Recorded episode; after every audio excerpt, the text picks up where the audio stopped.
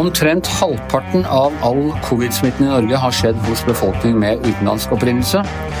Og riksrettssaken mot Donald Trump snublet i gang i går. Dette er Giæver og gjengen. Det er onsdag den 10. februar. Først, aller først ønske velkommen til Shazia Maid. Eh, ikke første gang du er på podkasten, men første gang du er med som eh, medlem av eh, gjengen. Ja, det er første gangen. Veldig hyggelig å, å være med i podkasten din, Anders. Du har jobba i, VG i, ja, i tolv år, eller noe sånt? Eh, nei, faktisk ti blir det i år. Og du har vært på mm. kommentaravdelingen i perioder tidligere, men nå er du altså fast på, på kommentaravdelingen? Det stemmer, og det, det, gleder jeg meg til. Det er kjempehyggelig å, å ha deg her, eh, Shazia. Du har skrevet en, en uh, veldig interessant eh, kommentar om eh, COVID, den som du har kalt covid-døden i innvandrermiljøene hvor du altså forteller at omtrent halvparten av all smitten i Norge har skjedd hos befolkningen med utenlandsk opprinnelse, og at smitten hos folk med somalisk og pakistansk bakgrunn er åtte til ti ganger høyere i andel enn befolkningen sett under ett. Hva kommer dette av? Det eh, det er mange som har forsøkt å forklare det, og jeg tror ikke vi har noe svar med to streker under, men, men det er veldig mye eh, som tilsier at dette handler først og fremst om trangboddhet. Eh, hvordan eh, disse familiene bor. Det handler om underliggende eh, sykdommer. Det handler om klasseforskjeller, fattigdom. Men slik jeg ser det, så tror jeg det handler mye om hvor tett disse gruppene bor, og det viser også Jeg tror ikke det er tilfeldig at de som er hardest rammet, pakistanske nordmenn og somaliske nordmenn, også er de som bor tettest i Norge. Og det er jo noe av det vi alltid har fått trukket fram som dette er en av de, de uh, liksom positive tingene i, i uh, mange av innvandrerkulturene. At man er mye flinkere til å ta seg av de eldre, og de bor sammen og i det hele tatt. Og her har dette altså blitt et, uh, et problem.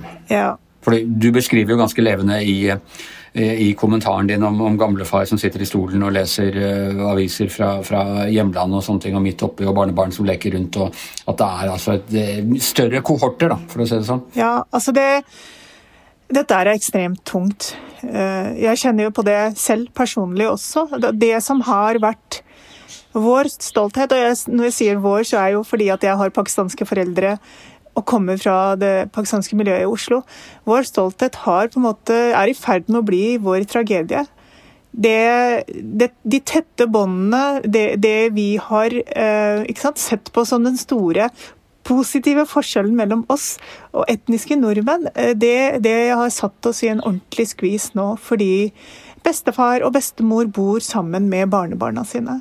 Og det er eh, umulig å ha eh, avstand fra, fra liksom sine nærmeste. Så det er en utrolig vanskelig situasjon veldig mange familier står i nå. Men har det også, altså det har jo, Dette ble jo tatt opp som et problem eh, veldig tidlig. Eh, og så har det vært lagt, så vidt jeg skjønner, ganske mye ressurser i også opplysningsarbeid. Eh, Men har Eh, har politikerne vært gode nok til å informere mot innvandrermiljøene? Har miljøene selv vært gode nok til å ta til seg informasjonen? Ligger det noe her også? Ja, det, det gjør det. Jeg tror, jeg tror myndighetene snubla litt i starten, men jeg tror faktisk at man gjør en god jobb, og gjør en bedre og bedre jobb. Jeg tror, For å være helt ærlig, så tror jeg ikke det handler om for dårlig informasjon fra myndighetenes side. Jeg tror det handler om det at man først og fremst ikke har et valg fordi man bor tett, men også fordi at jeg ser jo mye eh, uansvarlig oppførsel også. Ikke sant? Hva slags eh, uansvarlig oppførsel? da? Jeg vil kalle det det, men det er jo dette her med at man ikke forstår alvoret i eh, det å bli smittet. Eh, og veldig mange i eh, disse miljøene er jo unge mennesker. De fleste er jo eh, unge. Eh, og de eh, forstår jeg jo kan tro at de er um, udødelige, men, men, problemet er jo at de tar med smitten hjem til, uh, til morfar og mormor og sånt. Uh, og så tror jeg at man også ikke er, eller i hvert fall ikke har vært eh, veldig flinke til å si nei til den bursdagsfesten eller den familiemiddagen. Ja, at man har fortsatt som før med store familiemiddager og Jeg tror man har gjort det inntil, eh, inntil nylig. For jeg tror det faktisk eh, begynner å gå de, Man begynner å ta inn over seg når man ser disse dødsannonsene.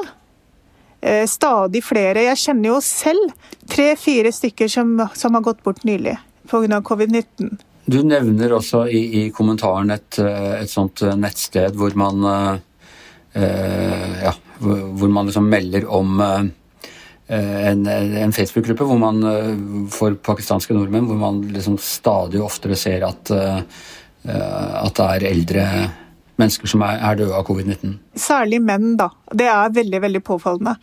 Og jeg har jo også snakket med eh, leger på intensiven som forteller om ikke bare eldre menn, men altså at det er forholdsvis unge. Altså det, er, det er unge pakistanske, somaliske menn som er i 30-årene, 40-50-årene, som ligger på intensiven. Eh, så, så, situasjonen, altså alvoret tror jeg begynner å gå opp for, for gruppene. Jeg ser jo eh, en positiv utvikling, og vi ser jo det også i tallene at stadig flere tester seg.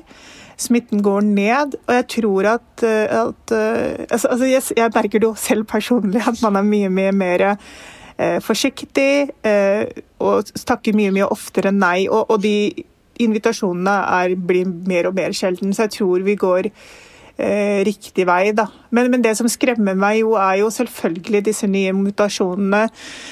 Og hva det vil bety for Oslo hvis de oppstår på Stovner eller Søndre Nordstrand. Er det ting du mener fortsatt kan gjøres? Altså tiltak som type myndighetene, storsamfunnet eller eh, innvandrerorganisasjonene selv kan og bør gjøre nå? Jeg tror uh, og, det, og, dette planlegger jeg å skrive om, men eh, jeg tror vi må se på vaksinestrategien og vi må se på teststrategien. I Oslo ser vi jo nå mobile testsentre, som jeg tror er, riktig. Eh, altså mobile testsentre, eh, lavterskeltesting på Stovner f.eks. Jeg tror at skal vi beskytte de som har et strammet, og, og, og dermed så forhindre spredning til storsamfunnet, så tror jeg det har noe for seg å se om det er mulig å eh, teste og vaksinere enkelte grupper litt annerledes. Og så tror jeg at uh, må, vi må kjefte litt mer på hverandre internt når det gjelder Litt mer sånn nabokjerringa til Gro, liksom? Ja, men, men det, det, er også kjempevanskelig, fordi det, man skal ikke henge hverandre ut. ikke sant? Det, jeg tror dette her er et veldig sensitivt tema. Ja. Og jeg tror det er veldig mange også som ikke forteller hvordan bestefar døde. Eller altså at bestefar døde av covid-19.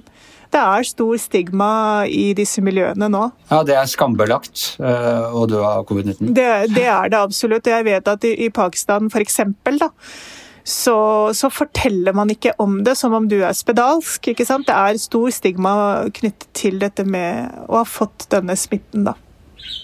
Og det er farlig i en pandemi å ha sån, sånne type holdninger. Men du mener altså at du, du, ser tegn til bedring? Altså du tror at Ja. Eh, jeg, min personlige, og dette her jo veldig, blir jo veldig anekdotisk eh, Jeg har jo ikke noe eh, forskning som backer meg opp med det, men jeg, men jeg ser det også for så vidt litt i tallene. Men jeg ser at stemningen er i ferd med å snu, og, og den der pekefingeren er blitt litt mer klarere, da. Ok, vi har jo vært mye opptatt av å ikke påføre hverandre skam og sånne ting i disse tider, men det er, altså, det er behov for litt pekefinger også.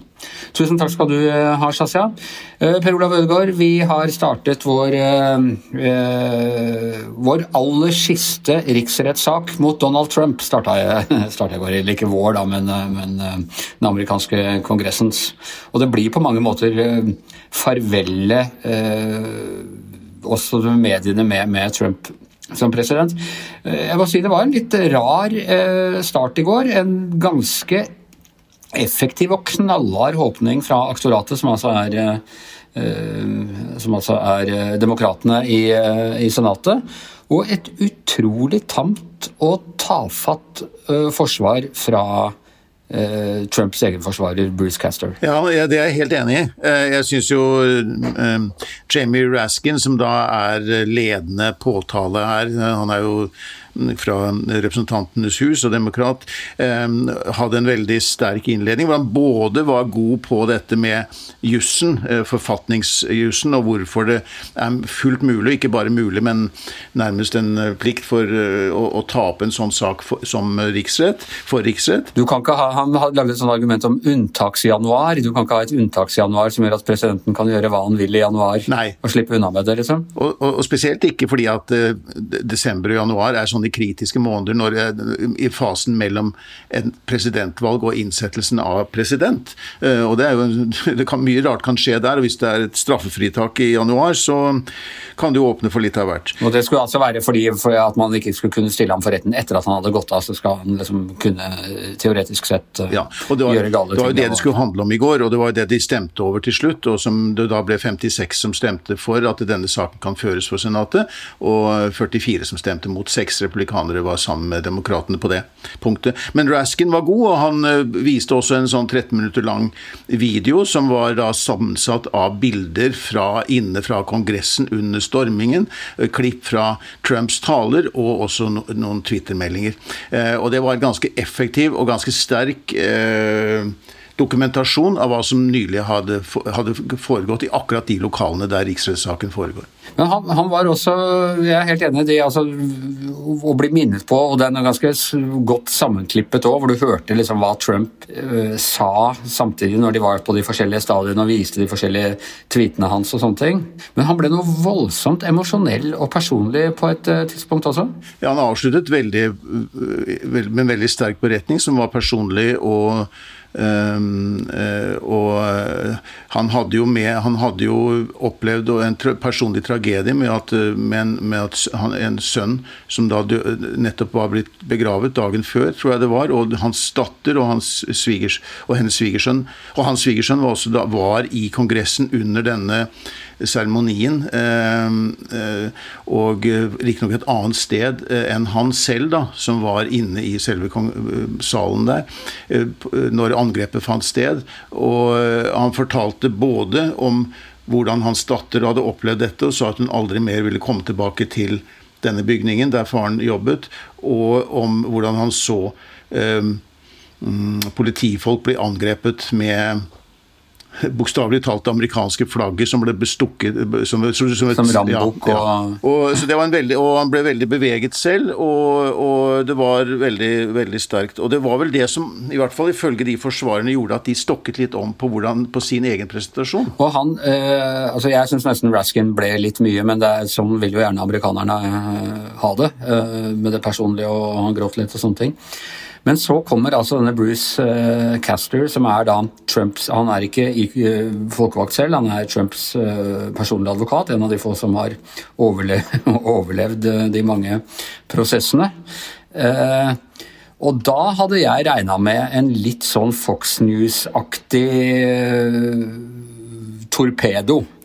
Giuliani, et eller annet sånne ting. Ikke nødvendigvis noen man ville ha voldsom respekt for argumentene til, men som skulle være litt sånn effektiv. Og han står der, altså det var som Anderson Cooper på CNN sa, han, han har hørt uh, fulle bryllupstaler som var bedre enn den han uh, uh, Caster avleverte dag. Det var, det var, bare rør, rett og slett. Det gikk feil fra starten, for han begynte med å si at han ledet aktoratet. Han korrigerte seg selv med en gang. Ja. Sa at han har jo tidligere vært statsadvokat. Men, men, og så begynte han å snakke om anekdoter fra sin barndom i, i forstedet til Philadelphia Philadelphia og vinylplater som foreldrene spilte. og Han var tilbake i antikkens Hellas og Roma. Eh, han, prøvde, han brukte lang tid på å forklare forskjellen mellom murder og manslaughter, eh, som om det var noe viktig i denne saken. Og eh, det var mange rare sånne Men det som jeg syns på en måte var litt sånn de, de, sa at de byttet om rekkefølgen mellom han og den andre eh, forsvarsadvokaten, David Showen, eh, fordi at eh, det var så sterkt det vitnemålet til Raskin, så de måtte ha en litt roligere, mykere overgang til det de skulle si. Og han brukte jo veldig mye tid på Og jeg vet ikke hva Trump syntes var verst. Eh, han skal ha ment at dette var riktig ille, men eh, når han da sa at, eh, at han roste motparten, han roste eh, aktoratets innlegg. Han, sa, han snakket veldig pent om motparten i saken. Eh, det tror jeg ikke falt så god i ord hos Trump. Og han sa også at eh, Trump var blitt fjernet av velgerne. Han sa at de var smarte nok til å velge en ny administrasjon hvis de ønsket det, og det hadde de gjort i dette tilfellet. Og dette er jo hele grunnlaget for hvorfor det ble som det ble, at han aldri har anerkjent nederlag. Nei. Ja, nei, Så Trump skal ha, ifølge kilder til New York Times, hvis, hvis liksom eh, på en skala fra én til ti over uh, Trumps dårlige humør, så skal han ha vært på åtte under, under, under, Så det er fortsatt litt å gå på, da, eh, i hvert fall. Eh, hva skal skje i dag eller i kveld? Nå skal det jo starte klokken 18 norsk tid, da. Eh, og da er det begge sider her i denne prosessen har 16 timer til å legge fram sitt syn på saken.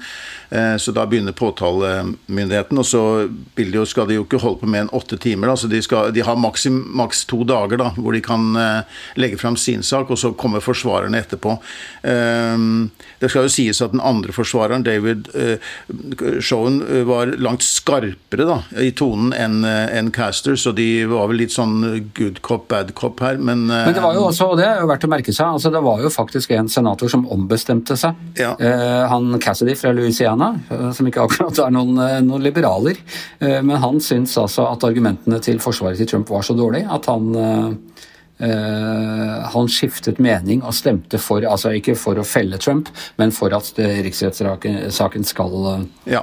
aksepteres. Men da trengs det, la oss si at disse 56 uh, også Det er ikke sikkert at de vil, vil stemme for å dømme ham engang, men om de skulle gjøre det, så trengs det ytterligere 11 republikanske senatorer for å gjøre det. Og jeg tror ikke Jeg tror de hadde kommet til stemt sånn selv om ikke de hadde hatt Selv om ikke Trump hadde hatt forsvarsadvokater der, så tror jeg de hadde stemt sånn likevel likevel. Eh, fordi de, dette er forutbestemt. Så man kunne sagt at Trump kaster bort pengene sine på forsvarsadvokat. På den annen side er han jo kjent for å ikke betale advokatene sine. Så, så, det er ikke sikkert at, at det utgjør all verdens forskjell. Ok, eh, med det så er Giæver og gjengen over for i dag. I hvert sitt hjemmestudio Per Olav Ødegaard, eh, Shazia Maid, jeg heter Anders Giæver, og lederen for podkasten Hus her i VG heter produsent Magne Antonsen.